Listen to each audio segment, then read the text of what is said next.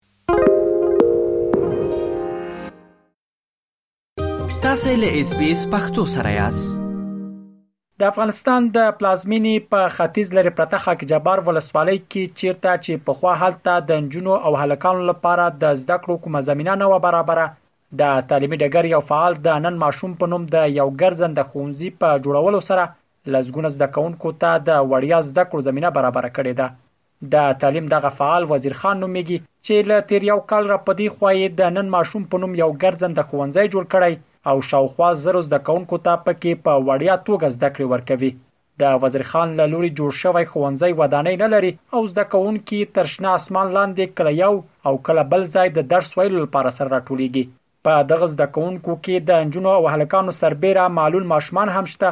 چې لرې ځایونو څخه د خپل روښانه راتلونکي لپاره زده کړو ته راځي. د نن ماشوم ښوونځی چې اوس مهال درې ټولګي لري، پنځه مضامین سیرت النبي، پښتو، دري، انګلیسي او د ویناوالۍ فن په کې تدریسېږي. د تعلیم فعال او نن ماشوم ګرځنده ښوونځي بنسټګر وزیرخان وايي، دا ورته ګرانه وه چې د سیمې ماشومان یې له زده کړو پرته له نامعلوم برخلیک لرلو سره را لوی شي، نو په همدې اساس یې په خپله سیمه کې د یاد ښوونځي د جوړولو هوډ وکړ.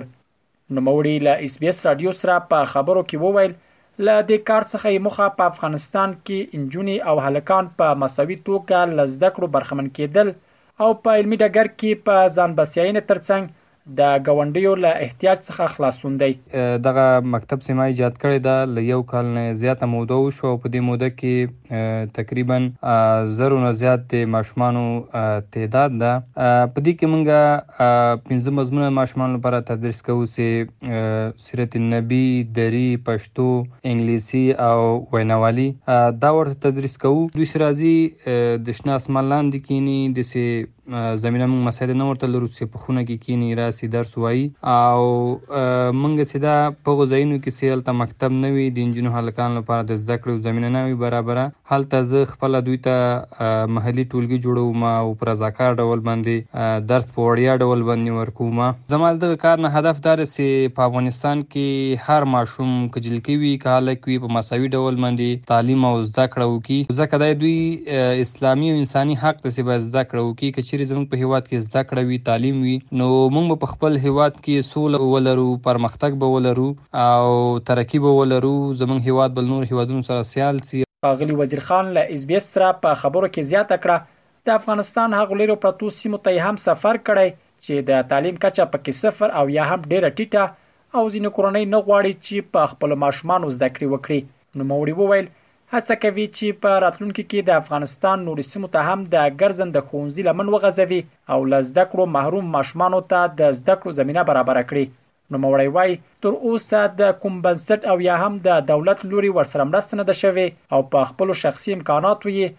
د درس بهیر روان ساتلی دی. زه خپله هلته سې د تعلیم سطحه ډیره ټیټه وي اوس هم که موږ وګورو د افغانستان په لرې پرتو سیمو کې مشران والدین په خپلو انجونو هلکانو باندې زده کړه نه کوي تعلیم نه کوي نو زه دوی ته د علم پیغام رسوم د تعلیم په ارزښت یې پوه کوم تر څو دوی خپلو انجونو هلکانو باندې زده کړه او تعلیم وکړي جومات ته یې ولیږي مکتب ته یې ولیږي.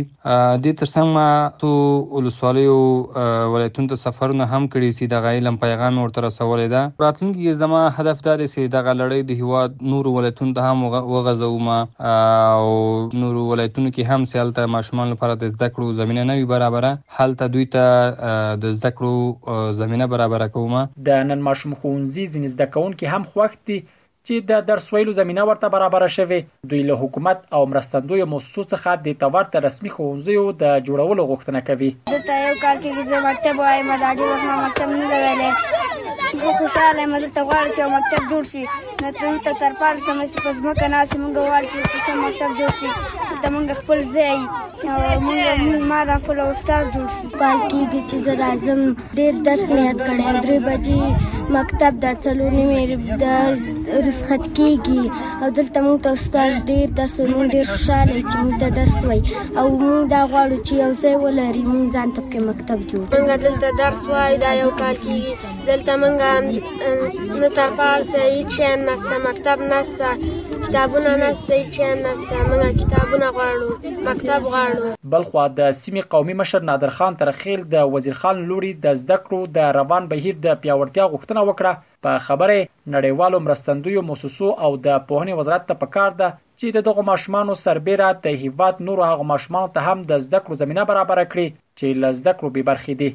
تعلیم دواړه جانب په هم په خجینه هم په نارینه باندې فرض ده موږ دغه خواهش لرو چې دغه کوم ځای کې د اوس د موږ وزیر جان په دې ځای کې دغه د ماشومان لپاره یو ټوډي چال یو کار په مخه روان کړی دی نو موږ غواړو چې دوی لپاره یو د مکتب یو زمينه مساعده شي نو موږ د ماشومان ته به سہولت دا اوس چې کلمري په لمر کې ناشتي کې باران په باران کې ناشتي موږ دا خواهش لرو لدغه لوړو چارواکو نه له لوړو زده کړو والا نه لکه دغه ټول نه موږ دا خواهش لرو چې یاره موږ ته د دغه خپلو دغه کوم ماشومانو ته چې وزیر جان دا کار په مخ روان کړی دا او د دې لپاره یو د مکتب زمینه مساعده شي که هغه په شخصي توګه کې موسسي لخوا کې دولت لخوا موږ دا اعتراض نه لرو مقصد منظور هم دا شی ده چې د ماشومانو په حساب کې یو مکتبي یو درسګای د غیر رضاکار ځوان داسې مهال وړیا ښوونځی جوړ کړی چې په افغانستان د طالبانو له بیا واکمنېدو وروسته په ښځو د نورو بندیزونو ور اخوا له شپږم ټولګي پورته ښوونځي ته له تګ څخه منع کړي او له هغه وروسته یې له تېرو شاوخوا اتو میاشتو راهیسې د پوهنتونونو دروازې هم د دوی پر مخ وتړلې که څه هم دغه بندیزونه د نړۍ په کچه له پراخو غبرګونونو سره مخ شوي دي خو ظاهرا طالبانو په دې اړه خپله پریکړه نه ده بدله کړې رحیم الدین وریاخیل اس بي اس رادیو افغانستان